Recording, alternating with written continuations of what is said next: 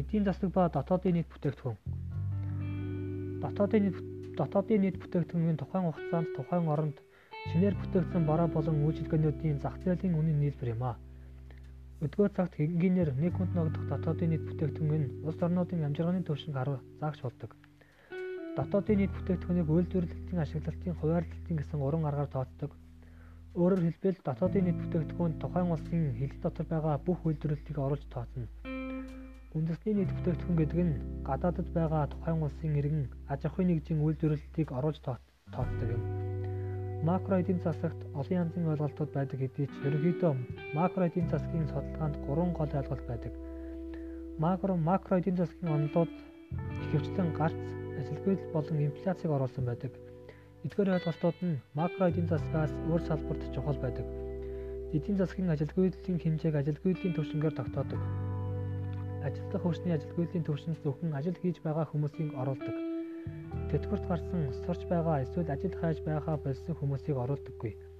Эдийн засгийн үзүүлэлтэд чухал нөлөө үзүүлдэг монголчуудын нэг зүйл нь цагаан сар байна.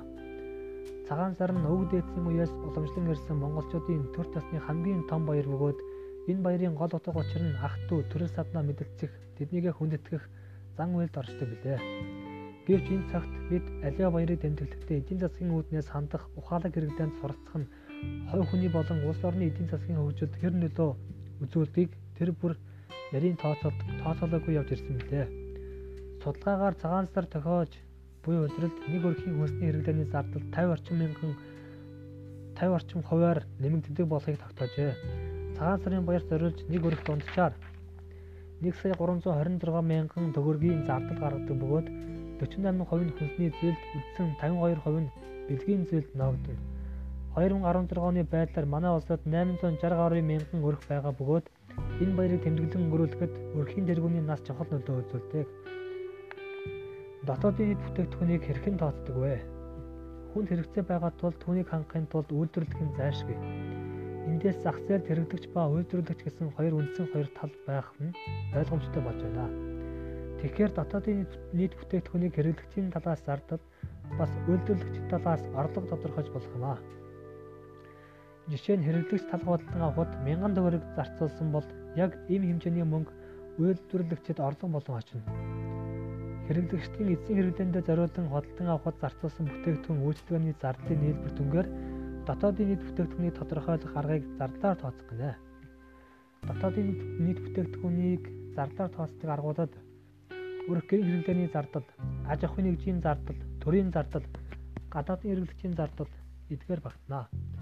Дотоодын нийт бүтээгдэхүүнийг орлогоор тооцох аргад цалингийн орлого, түрээсийн орлого, үндсэн хөрөнгийн илэгдэл, зээлийн хүүгийн орлого, аж ахуйн нэгжийн ашиг, өмчлөгчийн орлого зэрэг орно.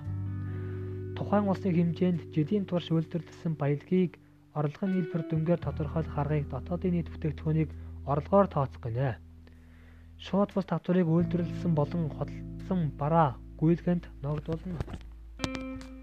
Энэ татвар нь төрийн орлогын их үүс үр юм а. Үйлдвэрлэлийн явцад тоног төхөөрөмж барилга байгууламж гэдэг аж ахуйн нэгжид үндсэн хөрөнгийн хөөн илэгдлийн хэмжээгээр тусгай сан байгуулж түүний өөрийн орлого байдлаар цогцолуулаад үндсэн хөрөнгөө сэргээн засварлахад зориулдаг. Ийм учраас шууд бус татвар болон илэгдэл хоригдлын шимтгэлийг дотоодын нийт бүтээгдэхүүнийг орлогоор тооцоход оруулж байна. Анхаарал хандуулсанд баярлалаа.